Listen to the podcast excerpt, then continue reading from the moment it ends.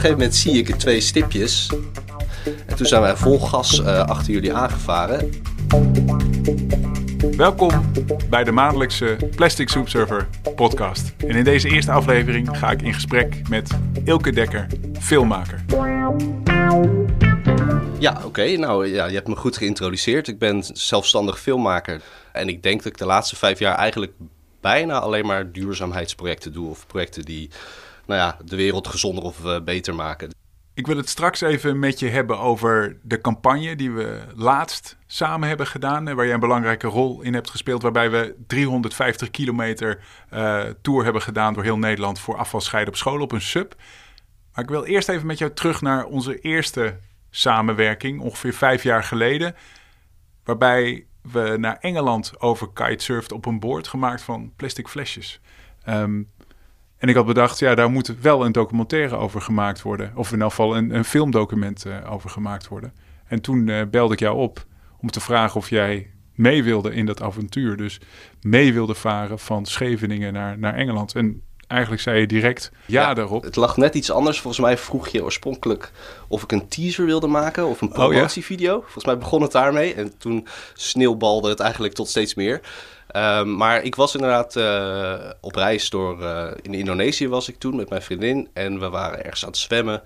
En uh, op zo'n heel mooi idyllisch eilandje. En ik zag een grote vlek, een schim onder water. En ik dacht dat het een vis was, maar het was dus een grote vuilniszak met daar allemaal visjes omheen. En tijdens zo'n reis ben je sowieso al heel erg bezig met wat wil ik nog? Of ja, ik, waarom kan ik datgene waar ik dagelijks professioneel mee bezig ben, niet inzetten voor een goed doel? Ja. Dat was eigenlijk de basis. En ja. toen zijn wij met mijn kantoortje wat ik had, zijn wij een avond gaan organiseren. Dat heette 5 to 9. Working 5 to 9. En dat was dan s'avonds 5 uur. Gingen wij van 5 tot 9 gingen wij met z'n allen bij elkaar zitten om iets te doen voor een goed doel. En dat waren allemaal mensen die websites bouwden en grafische huisstijlen maakten. Dus deden wij dat. Voor de uh, schone kleren campagne bijvoorbeeld hebben wij toen een spel bedacht in één avond en daar een prototype van gemaakt. En dat spel hebben zij vervolgens weer gemaakt. Mooi. Dus dat soort projecten. Ja. En op een gegeven moment, op een gegeven moment kwam dat mailtje van mij binnen. En jij had net die uh, zak in het water zien drijven met al die vissen die erin pikken. En je hebt net opgeschreven in je boekje van uh, ik moet iets aan dat plastic vervuilingsprobleem doen. Met veel maken. Met veel maken, ja. ja. ja. klopt. En toen kwam mijn mailtje en jij weet nog wat daarin stond dus. Ja, uh, je had een teaser nodig. Volgens mij voor, voor Facebook, voor social media. Ja. Dus ja. ja. toen zijn we gewoon gaan filmen. Ja. En uh, ik weet nog dat tijdens het interview zelf ontstond er eigenlijk een soort van... Ontstond het project eigenlijk. Het ontwikkelde zich verder tijdens het interview. Ik denk ook dat dat wel typisch is voor die uh, vertrouwensband die wij hebben nu. Bij, als wij projecten doen, is dat, het, uh, dat er veel, veel nog open is. En dat we ook door dialoog samen te hebben, dat het verder, verder komt. Laten we even teruggaan naar dat 2016. Ja. Ik wil dwars de Noordzee oversteken, van Scheveningen naar Engeland. Op een boord gemaakt van zwerfafval petflesjes. En dat doe ik omdat ik wil dat er statiegeld komt op die kleine petflesjes. Want dat is een stroom afval naar zee die we op die manier heel eenvoudig kunnen stoppen. Nou ja, goed, het begon met een teaser. Maar toen moest jij op die boot achter mij aanvaren. Neem eens mee naar dat moment dan. Op 3 september, uh, ik sta klaar om op een surfboard van plastic flesjes naar de overkant uh, naar Engeland uh, te kitesurfen. Neem eens mee. Jij komt met je camera's, loop je het strand op. Ja, ja, maar feitelijk ben ik al dagen daarvoor eigenlijk bezig geweest met een, met een plan, met een voorbereiding. Of gewoon op een zolderkamer met, uh, met allerlei ideeën in mijn hoofd van wat zijn er mogelijke scenario's die er kunnen gebeuren. Um, en ik heb ook vaak wel sterke beelden al in mijn hoofd. Een soort van uh, ja, uh, iets met een flesje water vullen. Nou, onder een kraan. Ehm, de pers die het te woord staat. Weet je, dat zijn wel allemaal beelden die ik al soort van van tevoren in mijn hoofd programmeer. En ja, dat helpt ontzettend goed om op het moment dat je dan staat te filmen, als je die beelden al um, een keer in je hoofd hebt afgespeeld en er verandert iets in de situatie, wat bij documentaire maken heel vaak gebeurt, dan kan je daar heel goed op inspelen, want het, uh, ja, je, hebt een, ja, je voelt je heel zeker in wat je hebt voorbereid. Dus je kan dan... Je hebt een soort wishlist als het ware. Ja. Een, een lijstjes die je af kruist in je hoofd. Ja. Van dat zijn beelden die ik in elk geval moet hebben. Ja, en als je die eenmaal hebt, dan heb je daarna ook heel veel vrijheid om te kunnen improviseren. En dat, dat maakt het dat je net zeg maar de andere dingetjes kan doen of dat extra, dat extra dingetje doen. En ehm, Maar heb je dan ook verschillende verhalen al in je hoofd? Als je mij dan ziet, eh, dat je dacht van, nou ja, weet je wel, eh, misschien Ja, wordt het een dag dat het, eh, als hij het niet gaat halen, dan maak ik er zo van nee, verhaal van. Nee, toen En nog niet. Nee. Nee. Ik denk dat ik daar wel de laatste jaren in gegroeid ben, maar toen niet. Toen was het toch echt, toen was ik echt net met dat documentaire deel begonnen. Dus toen was het toch gewoon voor een groot deel observeren. Ik werd uit bed gebeld door Radio 1. Je pakt alles in en eh, de journalisten staan weer klaar. Het eerste moment dat ik me weer realiseerde wat ik ging doen, was toen alles klaar voor me gelegd was. Ook zo'n moment dat je eigenlijk zelf altijd doet natuurlijk. Dat was nu gedaan en ik klikte die safety vast en ik keek opeens wat er allemaal aan de hand was, wie er allemaal stond. Ik, ja, ik kreeg een brok in mijn keel. Ik vond het zo ongelooflijk eigenlijk. Het eerste moment dat ik daar al die mensen zag die, eh, ja, die, die je steunen. En, eh, ja, Eh, ik had wel een soort strategisch plan bedacht van, nou ja, er was een volgboot hè, en die kon mij eigenlijk alleen maar oppikken in de, in de haven van Scheveningen. Dus ik, maar ik moest ook jouw vertrek filmen. En je zou misschien twee of drie rondjes nog even heen en weer varen. Maar daarna waren jij, was jij en je mede-compagnon Bram voeren naar de overkant. Dus ik eh, heb eigenlijk gefilmd vanaf de kant dat iedereen je uitzwaait. Ik heb als een gek al mijn spullen in mijn koffer gedaan, waterdichte koffer. Toen ben ik naar de haven gerend. Daar heeft de boot mij opgepikt. En toen zijn wij vol gas eh, achter jullie aangevaren. En ik weet nog heel goed dat eh, de stuurman eigenlijk jullie kwijt was. Want jullie waren al zo snel uit het zicht. Hè? Die aarde is rond. Dus op een gegeven moment zie je jullie niet meer. Er zijn- verdwijnen jullie langzaam achter de horizon. En die gasten varen. En ik, ik zit zo te kijken. En op een gegeven moment zie ik twee stipjes. Eh, ja, 10 graden, zeg maar, de andere kant op. Dus ik tik op de schouder van die, eh, van die bootsman. Want volgens mij zie ik ze daar. Ja hoor, eh, zij moest bijsturen. Anders hadden we jullie niet eens gevonden. Weet je, dan was het gewoon einde, einde film eh, geweest voor mij. Dus super opgelucht dat we jullie eh, inhaalden. Volgens mij hebben we nog een kwartier echt vol gas gevaren. En je moet je voorstellen, de golven slaan over de boeg heen. Wordt helemaal zeiknat. Ik had kleding van jou geleend. Ik had een, zo- zo'n zeilpak aan. Nou, dat was binnen de kortste keren doorweekt. En ja, dat was, er waren gewoon enorme golven. Dus er sloeg de hele tijd water over de spullen heen. Dus mijn, mijn camera zat in een, in een tas, helemaal waterdicht.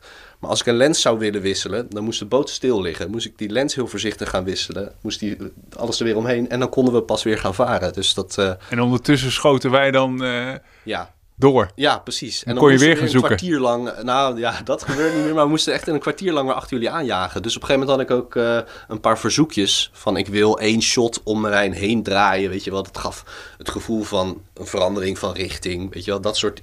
Dat zijn gewoon filmtechnieken. Als je om iemand heen draait, dan verandert het perspectief. Dus dat, dat kan een twijfel weergeven of iets. Ehm, dus ik had zo'n verzoek voor die bootsman. Nou ja, en dan vervolgens weer tien minuten lang alleen maar achter jullie aanjagen. Tot we er weer bij kwamen. En eh, ja, ook een memorabel moment is dat jij in zo'n eh, visnet hebt, bent gevaren en dan stil komt te liggen. Op een gegeven moment drijft een vrij groot visnet en eh, ja, ik kan het niet ontwijken. Ik vaar er gewoon eh, recht in. En dat visnet zit ook direct vast om die draagvleugel eh, heen. En ik heb de bijboot nodig om dat los te halen. Ja, dat was voor mij natuurlijk eindelijk even een contactmoment. Dat, dat we een beetje inhoud konden maken voor die film. Dus dat je echt iets zegt. Hoeveel zijn we? 137 graden. 137 graden, mooi. Kijk, zo'n film heeft eigenlijk drie ingrediënten. Dat is eh, een script misschien, of een voice-over of een interview. Iemand die vertelt. Maar je hebt ook heel veel aan echte beelden. Dus echte situaties die gebeuren. Want dat zorgt dat zo'n verhaal veel geloofwaardiger wordt. En ik, ik hou er ook van om dat soort fragmenten erin te verwerken. Dus als er iets misgaat met zo'n visnet, ja, daarvan realiseerde ik me op dat moment... dat is goed voor het verhaal. Ja. Slecht voor de server, goed voor het verhaal. Eigenlijk gebeurde hetzelfde bij eh, richting het einde van die tocht op een gegeven moment valt de wind weg. En ik weet nog, ik weet nog eens de dag van gisteren dat ik dacht... Nou, nu is het voorbij. Mijn verhaal is voorbij. Hier kan ik geen film van maken. Het is mislukt. En dan was er een heel klein stemmetje in mijn hoofd die zei... Blijf, filmen, blijf filmen. Ongeveer anderhalf uur. En volgens mij, volgens mij zie ik land. En op een gegeven moment trekken die wolken die daar op de kust liggen, trekken open. En je ziet dan die gebouwen van Lowestoft. Daar krijg je een enorme boost van. 21,5. Ja, Ja, je ziet de gebouwen. Ik word gemaand om eh, toch hoger te gaan varen. Inmiddels is de, is de Noordstroom ook eh, ingezet. Het is springvloed, dus het stroomt behoorlijk. Terwijl we daar staan, verlies ik steeds meer druk in die kite. En, en daarmee dus ook steeds meer hoogte. En eh, je denkt alleen maar shit. Met zicht op de finish val je, val je in het water. Is er geen wind meer.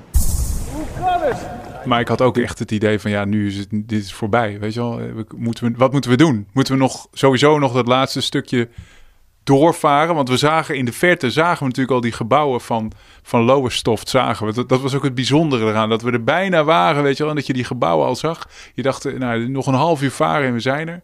En toen viel die wind weg. En ik, ja, ik weet nog heel goed dat ik dacht van ja, nu is het is klaar. Ik heb daar scheldend in het water gelegen. En ik denk dat, dat die hele sfeer was bij iedereen natuurlijk. Want we, ja, we zaten al acht uur af te zien. En eh, ja, dat was echt... eh, ik kan me, kan me goed voorstellen dat je toen ook dacht van ja, wat, wat moet ik of zo. Of, eh, Volgens mij zei jij ook echt zoiets van, nou, ik vaar maar, of we varen maar naar de kant om in ieder geval de pers nog even, zeg maar, te ja, bedanken. voor hopen dat ze er zijn. Ja, Als ze er nog zijn. ja, Nou, en dat was wel zo. ja. ja, dus dat was het bijzondere. Hè? Dus ik, ik pakte me vast aan die, aan die volgboot. En dat was ook het moment dat ik dacht, nou ja, de recordpoging is nu voorbij. Want ik heb die boot vastgehouden.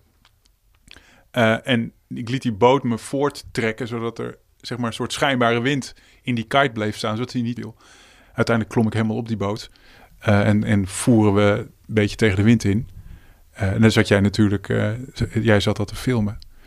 En, onder, en achter ons zagen we dus eh, bij Bram, de, de kiter die meevoer, eh, wel die vlieger uit de, uit de lucht vallen. En voor hem was het toen gewoon klaar natuurlijk. En op een gegeven moment kwam toch die wind eh, terug en konden we het laatste stuk eh, nog varen. En dat was echt, ja, dat was heel, het was een soort omslag in, in is, dit nou is, het, is het nou gelukt of niet? Ja, ja, de mensen wilden het ook niet horen op de kant dat het niet gelukt was. Het was gewoon, daar komt een man aan met een, met een, met een kite en hij komt uit Nederland, hebben we gehoord. Dus het Ja. zal hem zijn. Die hebben echt drie uur lang zitten wachten, want we waren echt drie uur te laat. En die wilden echt niet horen dat het verhaal niet, dat het niet gelukt was. Hè? Ja. I was just getting the kids ready for bed, and my wife said that there's somebody coming down. She said he's been he's surfed across from Holland. A Dutchman come over here from Scheveningen, making a nice uh, statement about the state of the seas. Well, I think it's an incredible thing to do. Amazing. Yeah, yeah. Ja. Ja, dat was, eh, ja, dat was echt fantastisch. Dat was echt, ja, dat was ongelooflijk. Het was eigenlijk echt ongelooflijk hè, dat die mensen daar nog stonden na drie uur gewoon om te wachten. En dan eh, zo'n soort reactie. Ja, echt waanzinnig. Ja, nou ja, dat was jouw eerste documentaire. Dan zijn we laatst eh, samen weer op pad geweest in september. Eh, heel Nederland door, 350 kilometer eh, voor afvalscheiden op eh, scholen. Kan je eens vertellen hoe dat eruit zag voor jou en dan natuurlijk vanuit filmmakersperspectief? Oké, het begint er eigenlijk mee dat jij vertelt wat ga je doen. Op dat subbord peddel ik helemaal van hier, Den Ham, naar Den Haag. En dat is best vaak een heel ingewikkeld verhaal. Eigenlijk altijd wel. Het probleem is dat het voor scholen moeilijk wordt gemaakt om hun afval te scheiden. Omdat schoolafval valt onder bedrijfsafval. Maar er komen helemaal geen grote bulten staal of, of eh, steen of puin van scholen af. Er komen kleine volumes af. En voor elke stroom moet zo'n school een afspraak maken met een aparte eh, afvalinzamelaar. En dat kost ten eerste onderwijsgeld en natuurlijk tijd om te regelen. En zoveel moeite zou er helemaal niet moeten hoeven doen. Weet je, dit moet gewoon geregeld zijn. En dan gaan we samen een beetje uitpluizen van... oké, maar hoe kunnen we dit nou verwoorden zodat het simpeler wordt? Of, of kunnen we het opsplitsen? Dat we het eerste filmpje bijvoorbeeld vooral voor leerlingen maken... en het tweede filmpje vooral voor politici. Het, het zijn best ingewikkelde constructies van verhalen... omdat er heel veel stakeholders of, partij, of belanghebbenden bij zijn. Soms denk ik van tevoren dat een bepaalde strategie... Ja, dat dat echt te ver gezocht is. Uh, bijvoorbeeld die deurwaarders die langs de CEO's moeten. Dat was echt een ontzettend ingewikkeld verhaal om te vertellen. Veel ingewikkelder dan iemand peddelt uh, de Rijn af op een zelfgemaakte plastic bord. Dat verhaal vertelt zichzelf. Maar de hele uh, strategie daaromheen is best ingewikkeld. En dan zou ik misschien liever buiten beschouwing laten. Maar achteraf blijkt dan dat dat juist de kracht is van zo'n campagne. Weet je, het filmpje is ook, ook het de expeditie in het filmpje is niet het eindstation, nooit. Dus ja, het, het, moet er, het moet er wel in passen. Het moet er gewoon ingepast worden. Daar komt het eigenlijk op neer. En hoe zie jij dan je, jouw eigen rol in zo'n eh, campagne? Of welke rol speelt die film dan in zo'n campagne voor jouw gevoel? Wat, wat voegt het toe? Ja, dat, eh, ik weet nog dat jij, dat zijn dan weer je eigen woorden die ik spiegel. Dat is dat je ooit eh, een keer langs de rivier stond en dacht van ja, als, als ik hier niet sta met dit bord en er is geen filmploeg bij, dan ben ik gewoon een man die een rivier afpeddelt. Dus ja, door, door, door het vast te leggen en door, door je verhaal te vertellen, til je het echt tot een, uh, tot een hoger niveau. En met die laatste films proberen we ook echt mensen ja, gewoon te raken. Heel direct. Heb je, daar, heb je daar voorbeelden van, van dat dat gelukt is? Of dat je dat terug hoort of zo? Nou ja, wat vaak is zelf wel goed, eh, goed, uh, een goede indicatie als ik zelf een beetje kippenvel krijg bij het terugkijken van sommige scènes. Uh, wat, is heel goed, wat volgens mij dit jaar heel goed gelukt is. Dus wat ik uh, als strategie had gedaan, is dat ik de dag voordat jij op een school kwam, ben ik eigenlijk uh, de middag daarvoor al even in de klas geweest. En heb ik al die kinderen al ontmoet. Ik heb hun namen uit de hoofd geleerd. Ik heb een presentatie gegeven eigenlijk over wat, wat jij doet en hoe ik werk en wat een camera is en wat een, wat een zender is. Ik heb de juffrouw gezenderd. Nou, morgen komt Marijn dus hier op school en die komt specifiek naar, in groep 8. Dus hij komt speciaal voor de kinderen komt hij langs scholen. Maar waarom gaat hij langs groep 8? Waarom gaat hij niet naar waar, een plek waar allemaal volwassenen samenkomen? Waarom kiest hij speciaal groep 8 uit om zijn verhaal aan te gaan vertellen? Pam. Omdat uh, kinderen die hebben uh, nog uh, langer te leven dan volwassenen. Oké. Okay. Dus die, die kinderen die waren al aan mij gewend. En vervolgens kon ik de volgende dag ze filmen op hun niveau en waren ze helemaal ja, helemaal los en kon ik precies de quotes halen. Want je komt eigenlijk iets halen als filmmaker. Maar ik had de, de dag ervoor zelf wel iets gebracht. Dus op het moment dat je zelf eerst iets brengt en dan vervolgens een quote komt halen, ja, dan, dan, is, dat iets, dan is dat gelijkwaardiger. Dan, dan werkt dat beter. Mm ja, die, dat filmpje is, super gaaf. Dat is natuurlijk altijd het bijzondere van filmmaken, vooral van het wegknippen. En natuurlijk alles wat fout gaat, dat knip je er allemaal uit. Dus dat, is lekker, dat, is, dat is lekker makkelijk. Nee, nee, nee, dat is niet mijn stijl, oh. eerlijk gezegd. Ik, ik, ik gebruik juist heel veel stukjes die fout gaan. Dat is, dat is voor mij een middel om, om de authenticiteit eigenlijk te laten zien en de echtheid van wat er gebeurt. Dus ik, ik, ik zal zeker niet dingen weg. Sterker nog, het is best gunstig af en toe als er wat dingetjes fout gaan in, mijn, uh, in de filmpjes waarin ik knip. Uh, zeker bijvoorbeeld in Leiden, dat was gewoon één grote chaos. Uh, heerlijk om daar uh, ja, wat fragmenten van te laten zien. Dikke chaos. Zo nu nog even wat orde houden, maar wel leuk. Oh. Ja, we stonden daar met alle die, al die kinderen, moesten op een sub en dat duurde allemaal veel te lang. En ondertussen moesten we naar de, naar de, naar de wethouder toe. Ja, ik heb net Marijn Tinga, de plastic soepserver, ontvangen. En hij wil aandacht voor zijn actie om vanuit het Rijk eigenlijk te verplichten dat scholen uh, gescheiden afvalinzameling gaan doen. Um, we waren begonnen in Den Ham op zo'n provincieschooltje, ergens achteraf in een klein dorpje in Overijssel, waar de kinderen allemaal helemaal keurig stil zijn en, uh, en absoluut niet brutaal. En waar je soms echt eruit moest trekken eh, vragen moest stellen en dan wilden ze nog uh, schoorvoetend antwoord uh, geven. En dan kom je uiteindelijk in Utrecht en in Leiden op van dat soort echte stadsscholen. En dan heb je allemaal van die brutale jongetjes. en dan ben je alleen nog maar bezig met het tegenovergestelde. Van jongens, luister nou even, wees nou even stil. Ik heb wat te vertellen. Ja, ja, en nou ja, goed. En toen dus nog al die subs en die kinderen erop. En dat ging allemaal veel te laat. En 30 van die subs en die kinderen vielen eraf. Ja, ik viel in het water. Ik gleed van mijn bord af. En toen um, draaide mijn bord om. En toen viel ik onder mijn bord. Van sommigen schreeuwen onder de brug. En uh, nou, jongens, jongens, jongens. Ja. ja. Weet je wel, dan zie je weer dat... Uh, dat peddelen zelf, 350 kilometer, dat dat niet eens uh, altijd de grootste uitdaging is. Ja. Maar goed, uh, we zijn natuurlijk ook gewoon een, we zijn een klein team. Hè? We zijn natuurlijk uh, met z'n vieren en uh, ja... Er zitten twee mensen in het busje. Dan hebben we Marijn die peddelt en dan hebben we filmmaker met zijn eigen auto en zijn tent. En dat is het team eigenlijk. Dus eigenlijk wordt er elke avond even doorgesproken... wat staat er morgen op het programma. Het, er, is geen, er is gewoon geen capaciteit om verder te kijken dan dat. Ja, je moet goed op elkaar ingespeeld raken in korte tijd. Ik bedoel, ik ben aan het peddelen... maar uiteindelijk komen we natuurlijk samen uh, vaak s'avonds op een camping waar ik dan mijn tent uh, op zet. Uh, en daar staat dan ook dat busje en daar is dan de kok en chauffeur. Die heeft dan als het goed is gekookt. Maar meestal is dat ook weer te laat. En dan hebben we natuurlijk de, de, degene die de social media doet.